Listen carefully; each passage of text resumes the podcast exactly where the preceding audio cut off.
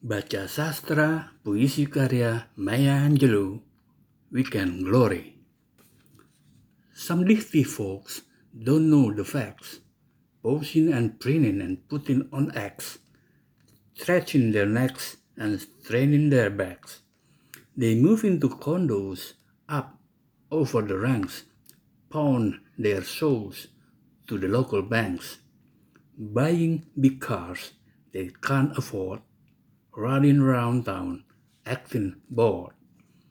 If they want to learn how to live life right, they ought to study me on Saturday night. My job at the plant and the biggest bet, but I pay my bills and stay out of debt.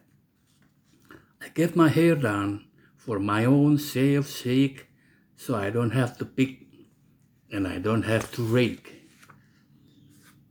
Take the church money out and head cross town to my friend girl's house where we plan our round.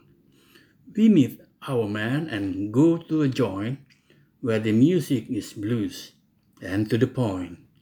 Folks write about me. They just can't see how I work all week at the factory. Then get spruce up and laugh and dance and turn away from worry with sassy glance. They accuse me of living from day to day, but who are they kidding? So are, are they? My life ain't heaven, but it's sure and hell. I'm not on top, but I call it swell.